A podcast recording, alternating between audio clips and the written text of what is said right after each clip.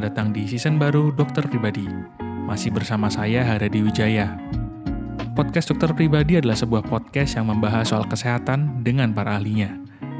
Di sini para profesional medis akan menjawab semua pertanyaan seputar kesehatan kita. Season ini akan dipenuhi dengan lebih banyak topik menarik, fakta kesehatan, dan obrolan yang santai namun berisi. Jadi silakan duduk dan selamat menikmati. Karena setiap minggunya kami akan datang buat topik baru di mana Anda bisa belajar untuk hidup lebih sehat.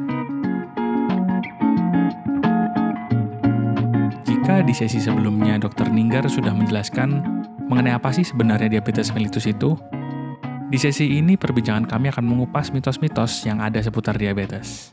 Mari simak perbincangan kami. Ini gini, kalau kalau tadi kita sempat ngobrol diabetes, oke okay, kencing gula gitu. Saya tuh pernah dengar dok, pernah dengar ada diabetes tipe 1 dan diabetes tipe 2. Ya. Nah, itu tuh apa dok sebenarnya? Iya.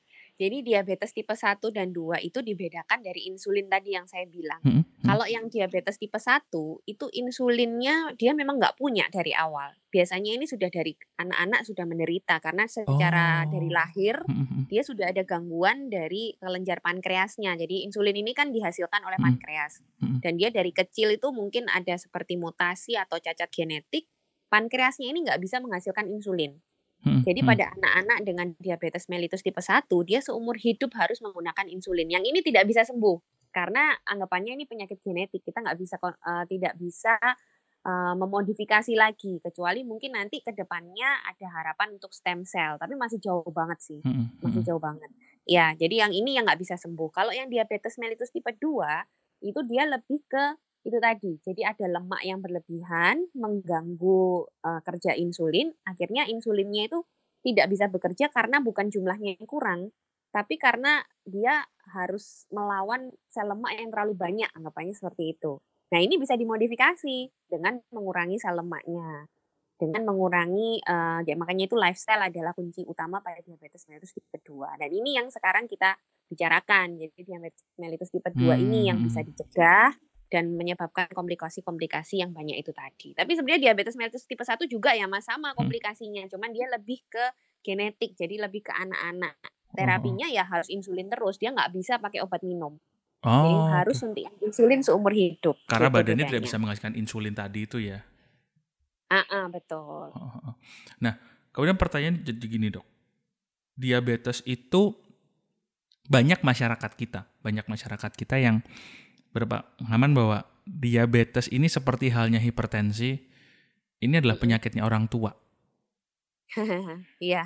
Ya ini ini is it true? Apakah ini benar gitu? Karena saya pernah loh ketemu teman saya seumuran sama saya itu dia ngomong saya diabetes bro, hah? Saya bingung gitu.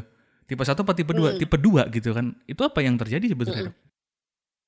Ya sama ya. Jadi eh, sebenarnya varian varian dari diabetes mellitus tipe 2 ini banyak.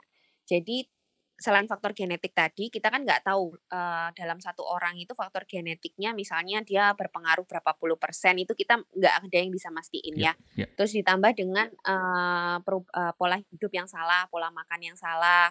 Nah itu bisa sangat eh, mencetuskan diabetes mellitus kapan pun. Jadi misalnya umur 20-an tapi dia sudah obesitas. Bisa sekali dia berapa tahun kemudian eh, menderita diabetes. Bisa banget, Mas. Jadi Hmm, banyak hmm. sekali ya faktornya. Dan memang ada penyakit-penyakit itu yang misalnya dia masih umur 20-an sudah menderita diabetes. Awalnya dia masih bisa minum dengan obat biasa ya. Kan ada tuh obat-obat minum untuk diabetes. Mm-mm. Tapi nggak lama dia harus tergantung insulin. Jadi kalau nggak pakai insulin tuh gulanya nggak bisa turun. Ada itu namanya penyakitnya. Namanya maturity onset of eh, diabetes of young. Nah, itu Oh, salah satu varian dari diabetes mellitus tipe 2. Ini yang kita masih belum tahu. Kemungkinan besar faktor genetiknya sangat berpengaruh. Jadi dia kena oke. diabetes, eh, terus nggak lama, mungkin insulinnya sendiri tidak banyak. Dia juga ada gangguan secara genetik, akhirnya cepat habisnya insulinnya. Kalau habisnya cepat, dia bisa seperti orang diabetes mellitus tipe 1. Jadi meskipun awalnya dia minum obat bisa, suatu Mm-mm. saat kalau insulinnya kurang, dia harus suntik insulin. Padahal masih muda. Ada itu. Hmm, ya ya Mm, ya Jadi ya. kalau dibilang diabetes mellitus adalah penyakit tua itu salah. Karena yang muda pun banyak sekarang, apalagi dengan eh, perkembangan zaman, orang juga mulai eh, hidupnya mulai sedentary life ya. Ya. Jadi kerjanya mulai duduk aja. Nah, itu salah satu faktor yang bisa bikin diabetes ini nanti akan semakin mudah sama kayak hipertensi sebenarnya. Iya, iya, iya, semakin semakin arah trennya semakin memuda nih yang yang kena nih. Iya, iya, iya, apalagi Iya, betul. apalagi udah kerjanya di kantor, duduk terus lihat promo ada boba yang lagi promo, Dok. Nah, itu susah. Aduh, boba, ya ya itu kalori tinggi banget. Kalori tinggi sekali. Ya mungkin kalau habis minum boba teman-teman ngikut ngikut OB di kantornya buat ikut bersih-bersih buang kalori mungkin boleh lah. Iya, harus harus olahraga untuk mengeluarkan lagi ya. Intinya kalorinya jangan jangan surplusnya jangan kebanyakan. Nah, Betul. Kemudian ada mitos-mitos juga, Dok, yang yang saya pengen Iya. tanyakan. Eh yang pertama, orang diabetes boleh donor darah nggak, Dok? Boleh, Boleh ya? boleh banget, boleh, boleh. Karena Biasanya kalau anemi, Mas, jadi tetap kan kalau persyaratan golongan darah itu kan salah satunya tidak boleh anemi dianya. Nah, Hmm, orang hmm. diabetes itu kalau yang eh, penyakitnya tidak terkontrol dengan baik, itu ada dia menderita anemi karena penyakit diabetesnya itu bisa. Jadi kalau anemi nggak boleh, tapi selama oh, dia nggak anemi meskipun dia diabetes nggak masalah sih. Oh, begitu. Ya, ya berarti Mm-mm. no problem. Karena kan orang orang, ada mikirnya gini, ini or, saya eh, kencing manis, istilahnya Heeh. darah saya cenderung manis, banyak gulanya gitu. Ketika didonorkan ke orang, apakah itu tidak menularkan? Pertanyaannya kan jadi gitu, gitu. Enggak ya dok ya itu? Itu Enggak, cuman memang eh, kalau di mana tuh eh, di PMI? PMI ya, Hmm. PMI biasanya memang kalau untuk donor darah itu mencari orang-orang memang yang tidak memiliki komorbid.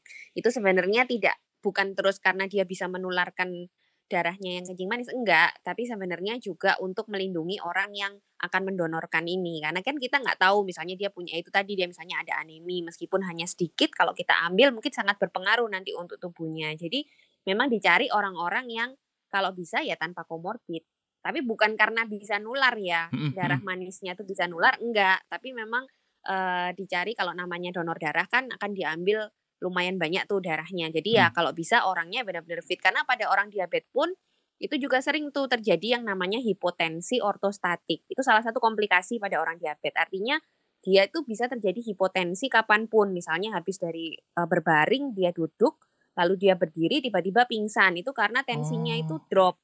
Oh, Itu salah oke. satu komplikasi pada orang diabetes. Karena Iya, iya. normalnya kita kalau berdiri itu tensi kita naik. Hmm. Tapi kalau orang diabetes ini justru tensinya turun. Nah, ini kan juga ditakutkan misalnya dia habis donor darah, diambil darahnya, tensinya semakin drop. Jadi seperti itu sih sebenarnya. Hmm. Jadi lebih ke arah eh, itu misinformasi aja ya. Jadi eh, lebih baik memang yang fit. Concernnya ke Kecuali kalau diabetesnya sudah teratur nih Mas. Kecuali kalau diabetesnya sudah terregulasi bagus banget, sudah target sudah tercapai, dia anu mungkin boleh. Jadi itu Oh, ada oke. nah, ah, ada screeningnya lah awal pasti. Heeh. Terus kemudian ada juga ini dok, mitos katanya perempuan yang eh, terkena diabetes itu sebaiknya tidak hamil atau bahkan jangan hamil istilahnya kayak gitu. Itu bener nggak? Eh, gini, kalau untuk eh, diabetes yang memang tidak terkontrol itu bukan disarankan tidak hamil ya, tapi kalau bisa memang harus dikontrol dulu karena nanti bisa menyebabkan anaknya itu besar. Anaknya itu kalau bayinya besar, namanya kita sebut makrosomia, itu Mm-mm. nanti bisa menyulitkan pada saat kelahirannya. Dan diabetes pun itu bisa menyebabkan percepatan pengapuran dari plasenta. Jadi kalau gulanya ibunya tinggi, itu Mm-mm. pengapuran plasentanya bisa cepat. Nah itu bisa terjadi sering eh, bayi mati dalam kandungan. Itu sering terjadi pada orang-orang diabetes yang hamil. Tapi bukan berarti dilarang, yang penting direncanakan. Jadi kalau memang sudah punya diabetes mellitus mau hamil, itu konsultasi dengan dokter kandungan untuk persiapan kehamilannya. Jadi paling enggak gulanya itu diregulasi dulu. Jadi kalau gulanya sudah terregulasi, sudah normal dengan obat, baru persiapan untuk hamilnya dengan tentunya konsekuensi-konsekuensi yang mungkin bisa tetap di, eh, diterima oleh orang-orang diabetes. Contohnya yaitu jadi resiko bayinya besar, resiko bayinya meninggal dalam kandungan, resiko prematur itu lebih tinggi memang pada orang-orang diabetes yang hamil. Mm-mm. Ya, tapi untuk dilarang hamil enggak, enggak, enggak dilarang hamil, tapi yang penting direncanakan. Oke oke, karena faktor resikonya lebih banyak lagi itu tadi harus benar-benar diketahui lah istilahnya segala resikonya ya dok ya. Ya, daripada nanti hamil karena tidak direncanakan terus anaknya meninggal dalam kandungan atau anaknya cacat atau anaknya prematur kan lebih menyesal lagi ya. Jadi Mhm lebih baik mhm. kalau sudah tahu diabetes itu ya lebih baik direncanakan. Yang kasihan tuh malah justru kalau diabetesnya muncul pada saat kehamilan itu ada, Mas. Mmm. Jadi dia sudah hamil sebelumnya nggak punya tuh dia riwayat diabetes, Mhm tapi mhm. pada saat dia hamil, dia menderita diabetes yang namanya diabetes pada kehamilan. Mmm, Itu kok yang lebih kasihan lagi. kok bisa gitu kenapa, Dok? Karena dia kan ya istilahnya sudah oh macam-macam ya teorinya. Salah satunya ada faktor, eee, hormon, hormon pada orang-orang tertentu yang Oh. menyebabkan gangguan insulin juga. Jadi Oke. terjadi diabetes pada orang-orang tertentu aja, itu ada. Kalau sudah terjadi diabetes pada orang-orang pada saat hamil kan dia nggak mungkin, eee, istilahnya nggak mungkin feedback ke belakang lagi, nggak Mhm mungkin mhm flashback mhm lah maksudnya ya kan. Ya akhirnya harus diobati, tapi resiko-resikonya ya tetap ada. Cuman Mmm. kalau diabetes karena kehamilan ini belum tentu akan bertahan selamanya. Jadi misalnya nanti habis melahirkan bisa normal lagi. Oh, I see. Kemudian nih, Dok, ada juga Diabetes sih. mitos soal kencing gula basah sama kencing gula kering. Karena biasanya terkaitnya gini, orang kan taunya kalau orang itu punya penyakit gula itu luka itu sulit sembuh. Terus ada yang mem Heeh. mudah memborok dan sebagainya. Itu ada yang ngomong, "Wah, kalau gulanya gula basah tuh nanti susah, tapi kalau gulanya gula kering tuh itu apa sih, Dok, sebenarnya? Kok orang bisa sampai punya pemahaman seperti itu? Iya iya iya. Iya, ini, eee, mungkin yang dibedakan selalu luka ya. Jadi ya saya sering dengar juga itu. Jadi kalau, eee, lukanya basah itu artinya dia, eee, menderita penyakit kencing manis yang gula basah. Mhm. Jadi, eee, sebenarnya ini hanya perbedaan dari terjadinya luka aja pada orang diabetes. Karena terjadinya luka pada orang diabetes itu tidak melulu hanya karena dia gulanya tinggi, enggak. Mhm. Tapi ada beberapa faktor, yaitu yang pertama tadi, yang gangguan pada pembuluh darah.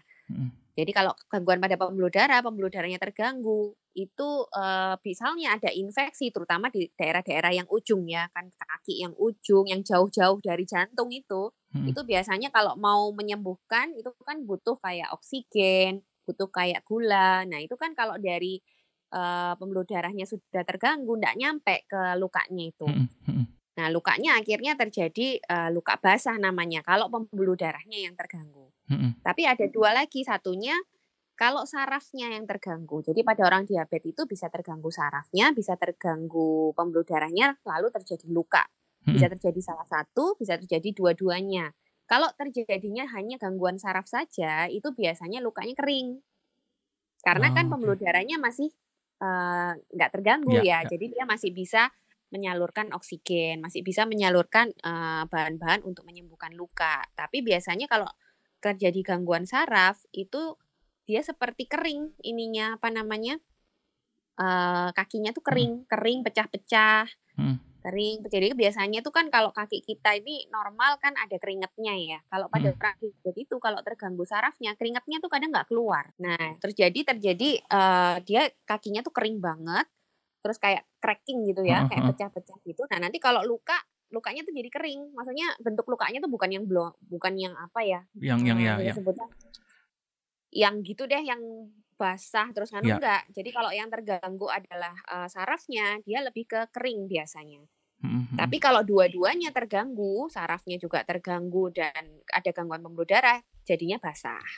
Mmm, ya. Ya ya Ya, memang Jad ada perbedaan. Jadi ada orang yang cuman mengalami, eee, luka itu karena gangguan saraf aja, tapi ada yang mengalami luka juga karena ada gangguan pembuluh darah. Ini yang lebih berat biasanya lukanya. Mhm Kalau mhm. sudah ini biasanya harus sampai operasi, mungkin harus sampai diamputasi, itu kalau yang Mhm benar-benar mhm. sudah ada gangguan dari pembuluh darah itu tadi. Mhm. Dan kembali lagi karena gula ini sebenarnya jahatnya itu karena di pembuluh darah yang pembuluh darah ini penting banget buat buat kita istilahnya. Begitu dia sekali rusak, ya itu Ya. bawa bakal ke mana-mana kan efeknya. Iya, Nah betul. nah mungkin gini, Dok, mungkin pesan-pesan nih buat teman-teman pendengar. Mungkin pesan-pesan tips mungkin buat kita atau mungkin buat kita share ke orang lain. Sebenarnya karena karena menurut saya diabetes ini dekat dengan orang Indonesia karena kita tuh cenderung apa ya?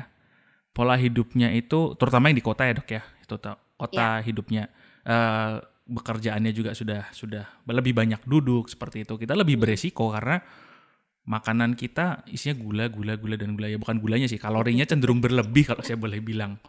Ya Heeh kan. heeh. Apalagi orang Indonesia suka suka dessert, suka suka jajan-jajanan seperti Ya, itu. Nah, betul.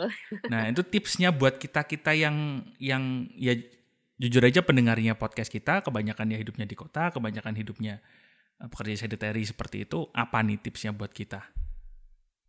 Ya, tipsnya kalau bisa emang mencegah ya Mas Didi ya. Jadi Hmm. kalau misalnya uh, sudah berumur di atas 40 tahun, apalagi punya keturunan, uh, nggak ada salahnya untuk cek check up rutin ya, mungkin Hmm, ya. hmm, Jadi check up rutin itu kita kalau bisa menemukan kondisi pre-diabetes itu sangat-sangat bisa disembuhkan, sangat-sangat bisa dicegah untuk menjadi diabetesnya.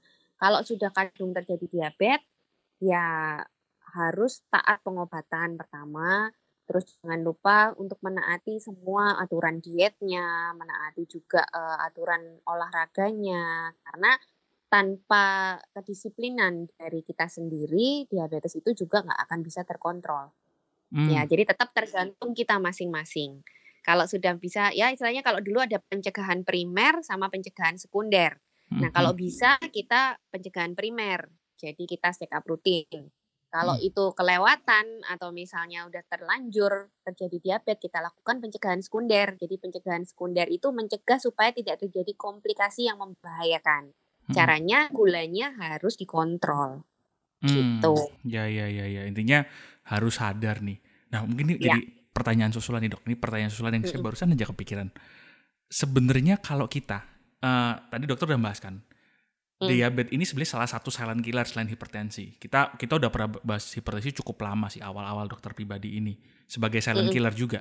Nah, sebenarnya kalau Ya. kita ini sebenarnya kita bisa ngerasain nggak dok? Atau kita bisa tahu nggak sebenarnya kita ini dalam kondisi yang lagi rawan menuju diabetes atau kita mungkin punya gejala-gejalanya itu selain kita dengan check up lewat cek darah ya, itu kita bisa tahu nggak Mm-mm. sebenarnya dok gejalanya?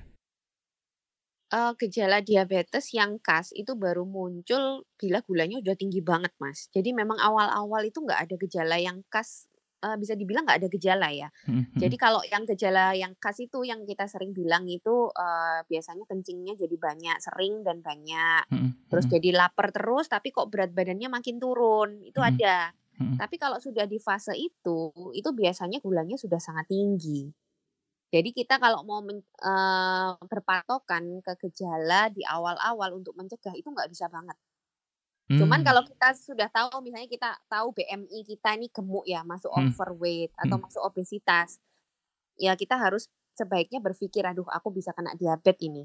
Hmm, Karena itu hmm. salah satu faktor resiko gitu Hmm, loh. hmm, Jadi hmm. lebih baik kita mengamati faktor resikonya. Jadi faktor Hmm. resikonya misalnya kita gemuk, terus yang kedua mungkin aktivitas kita kurang, Hmm. olahraga kita kurang. Hmm. Terus yang ketiga mungkin turunan itu tadi. Jadi Hmm. kalau dengan melihat faktor-faktor resiko itu tadi, kita jadi lebih aware. Hmm. Akhirnya kita check up itu tadi. Kalau kita menunggu gejala muncul, itu biasanya sudah terlambat banget. Oke. Sama dengan hipertensi akhirnya kalau udah udah udah muncul ya Pak. sudah istilah udah vonis sebenarnya tinggal kita mau mau melakukan perubahan yang cukup drastis atau tidak istilahnya kan gitu kan. Iya, gitu. Heeh. Cuma kalau hipertensi ini lebih berat ya daripada Mm-mm, diabetes mm-mm. karena hipertensi itu 90% dia hipertensi yang tidak diketahui penyebabnya. Kalau diabetes ini sebenarnya terjadinya pasti sebelumnya adalah adanya sindroma metabolik namanya. Jadi Hmm. sindroma metabolik itu yaitu jadi kita obesitas, kita gemuk, gangguan kolesterol. Nah, itu ada clue awal. Tapi kalau hipertensi ini enggak loh. Hmm, hmm, Jadi sebenarnya masih lebih bisa dicegah hmm, hmm, hmm. diabetes daripada hipertensi. Ya ya, bisa, Cuma bisa tergantung kesadaran kita. Betul betul dan istilahnya mungkin eh, kalau boleh dibilang salah satu hal yang ya walaupun sulit untuk diterima tapi dengan dengan kondisi pandemi Covid seperti ini nih kalau yang saya sadarin sih karena saya awam ya dok ya banyak juga teman-teman yang awam juga di sekitar saya yang makin sadar sih bahwa bahwa kesehatan tuh ternyata ya tanggung jawabnya kita sendiri kita sendiri yang harus sadar bahwa mengedukasi diri lah sebenarnya bahkan kita nggak bisa nggak bisa nunggu sakit baru pergi ke dokter karena kenyataannya itu most of the time itu telat sebenarnya kalau udah udah di level itu gitu kan Iya, betul. Mm-mm. Pencegahan lebih baik daripada mengobati ya. Iya betul walaupun dokter profesinya termasuk mengobati tapi sebenarnya nggak ada nggak ada dokter yang yang senang ketemu pasien yang sakit sebenarnya kan dok ya betul nggak dok Iya, betul banget. Kalau bisa ya mencegah. Kalau enggak saya ngapain edukasi susah-susah pencegahan COVID. betul betul betul oke Iya. mungkin kira-kira Oke. begitu dokter Ninggar terima kasih banyak sekali lagi buat waktunya buat kesempatan kita Iya. ngobrol-ngobrol Semoga Sama-sama. bisa memberikan persepsi yang baru untuk pendengar-pendengar kita nanti. Oke, Oke. Terima kasih Mas Didi. oke terima kasih Dokter Ringgar. Kalau gitu sampai jumpa di kesempatan yang lain. Terima kasih untuk sudah mendengarkan sesi ini. Jika Anda menyukai podcast ini, silakan follow di Spotify ataupun Apple Podcast. Dan jangan lupa follow akun sosial media kami untuk info-info kesehatan yang kami share setiap harinya. Untuk Instagram, kami ada di @dokter.pribadi.official dan untuk Twitter, kami ada di @dokterpodcast. Sampai bertemu di sesi-sesi selanjutnya.